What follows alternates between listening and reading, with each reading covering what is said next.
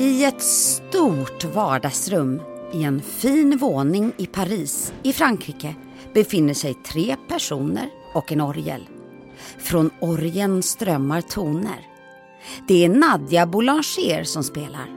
Hon är mitt uppe i en lektion med en av sina elever. I en fåtölj en bit bort sitter hennes lilla syster Lili Boulanger och lyssnar.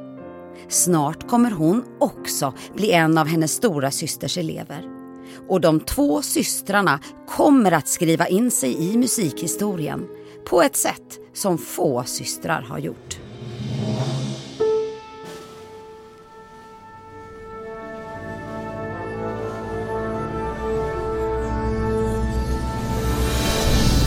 Du lyssnar på Musikaliska genier genom tider och toner med mig, Ylva Hellen, om systrarna Boulanger.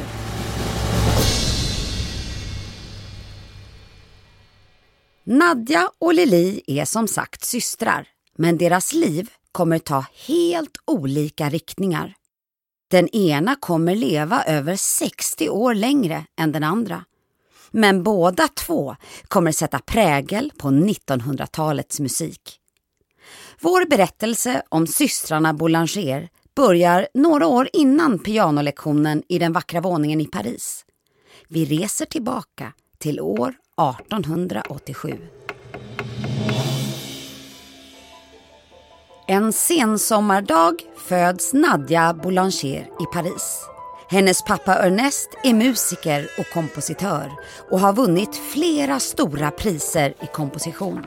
Han spelar fiol, piano, dirigerar och undervisar andra i sång. Mamma Raisa är också väldigt musikalisk och har sedan de träffades tagit sånglektioner av Ernest.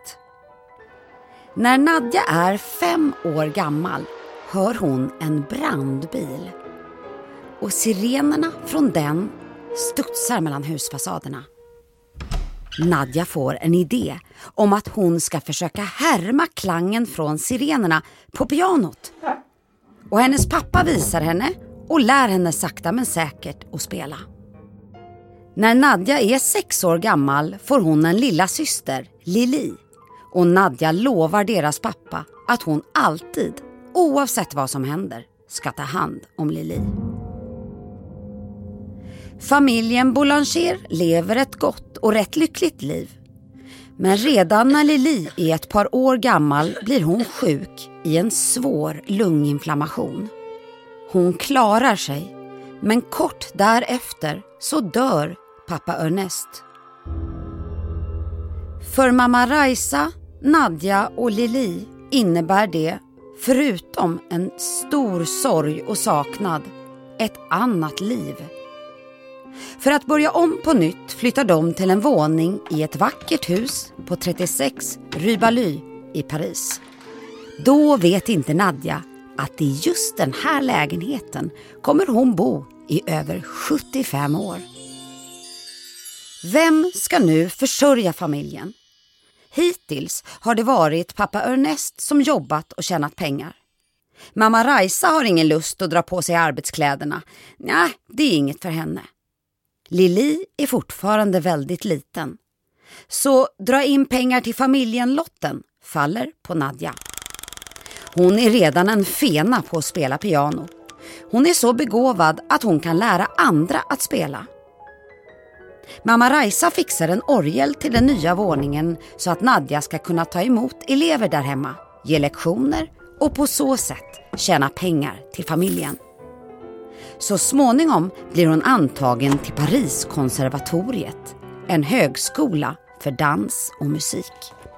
Där studerar Nadja harmonilära och komposition och blir ännu bättre på att spela orgel. Lili då? Spelar inte hon någonting? Jo då. Från att hon är väldigt liten sitter hon och lyssnar när Nadja ger lektioner där hemma. Och det dröjer inte länge innan hon själv blir en av Nadjas elever. Men minns du lunginflammationen när hon var liten? Hon är fortfarande ofta sjuk och svag och till skillnad från Nadja har Lili inte riktigt samma press på sig att lyckas musikaliskt. För hennes del blir det bara komposition, orgel, piano, cello och harpa. Ja, det säger ju lite om hur högt ribban ligger i den här musikaliska familjen, eller hur? De två systrarnas liv liknar på många sätt varandras nu när de växer upp. Och båda har mörkt hår med likadan mittbena, ofta uppsatt med en knut i nacken. Lili är i och för sig längre, men trots det kallas hon ofta för Lilla Lili. Nadjas schema är verkligen fullspäckat. Hon tävlar på konservatoriet och vinner toppriser i harmonilära, kontrapunkt, fuga, orgel och pianoackompanjemang. Hon bestämmer sig för att delta i Prix de Rome, eller Rompriset som det heter på svenska. En stor tävling för lovande konststudenter där pengar och en väldans massa prestige står på spel. Hennes pappa Ernest vann den när han var ung och det har fått Nadja att själv vilja delta och såklart vinna.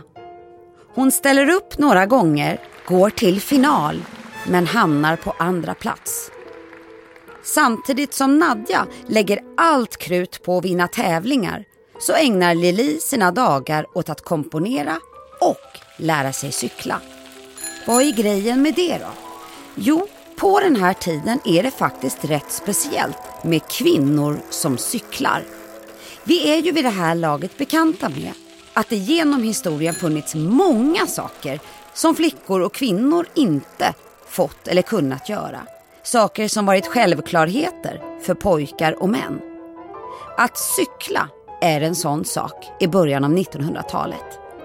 Man varnade kvinnor för att de kunde få cykelansikte om de cyklade.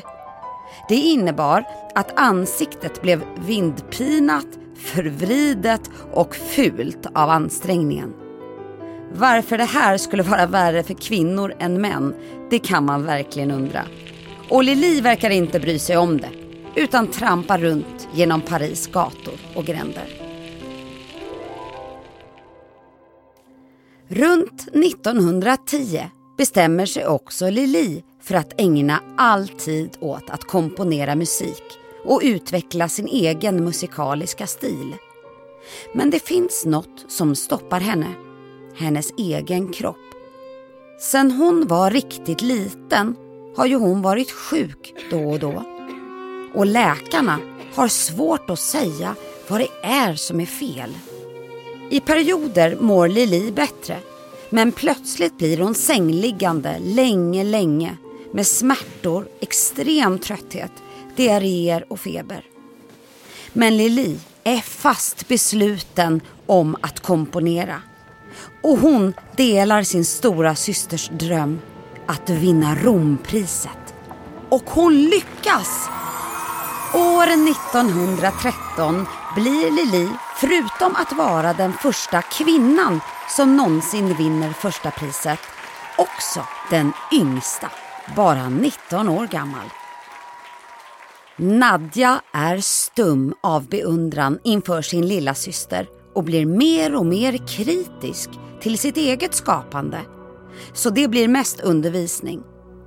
Och hon är otroligt duktig. Många vänder sig till henne och reser långt för att ta lektioner av Nadja. Lili blir allt sämre och läkarna säger att hon inte har många år kvar att leva.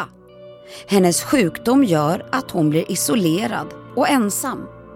Men just det är faktiskt lite självvalt.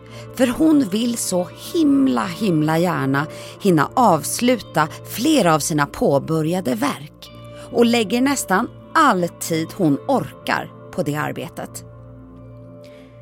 Nadja skriver mycket om Lili i sin dagbok under den här tiden.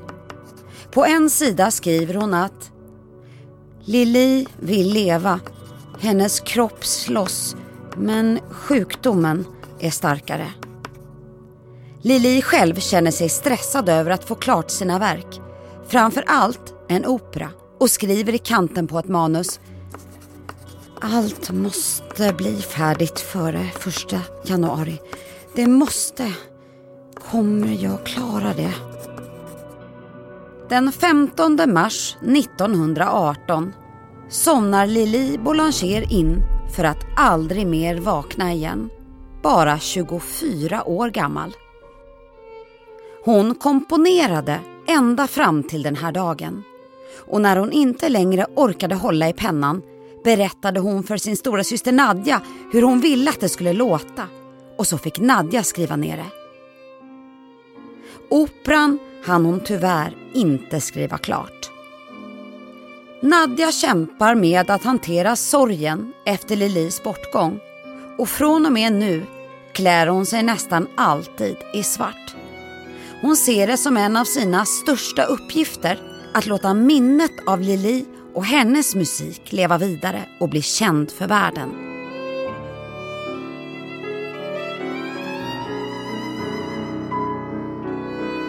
Efter Lilis död slutar Nadja att komponera helt.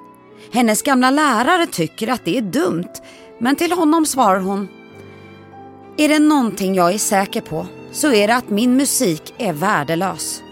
Men Nadja har desto större självförtroende när det kommer till att leda en orkester och det gör hon galant. Hon är den första kvinnan att dirigera stora symfoniorkestrar i USA och i England. Bland andra New York Philharmonic, London Symphony Orchestra och Boston Symphony Orchestra. Och hennes självförtroende är otroligt viktigt. För det behövs när hon kliver upp på pulpeten för att leda de här stora orkestrarna. Framför allt som kvinna i en mansdominerad värld. Dessutom ägnar Nadja mycket tid åt att undervisa och hon kommer att gå till historien som en superlärare som utbildat tusentals tonsättare och musiker på många olika skolor. Främst i Paris, men också några i USA. Aaron Copland, Astor Piazzolla och Quincy Jones, som du kanske hört talas om, är bara några av dem som haft Nadja som lärare. Trots att hennes syn och hörsel blir sämre på äldre dagar fortsätter Nadja, precis som Lili, att jobba ända fram till sin död. Den 22 oktober 1979 tar hon sitt sista andetag, 92 år gammal. På kyrkogården i Montmartre i Paris har familjen Boulanger en familjegrav där Lili, pappa Ernest och mamma Raisa redan vilar. Där begravs nu också Nadja. Reser du till Paris då kan du besöka graven. Eller ta dig till 36 Rue Baly och blicka upp mot lägenheten med vardagsrummet där så mycket musikhistoria skrivits. Systrarna Boulanger var två av 1900-talets mest färgstarka musikpersonligheter. Trots att Lili bara blev 24 år gammal och att hon genom livet kämpade mot en svår sjukdom så lämnar hon efter sig en imponerande lista av musikaliska verk. Och Nadja betraktas idag som 1900-talets kanske viktigaste musiklärare.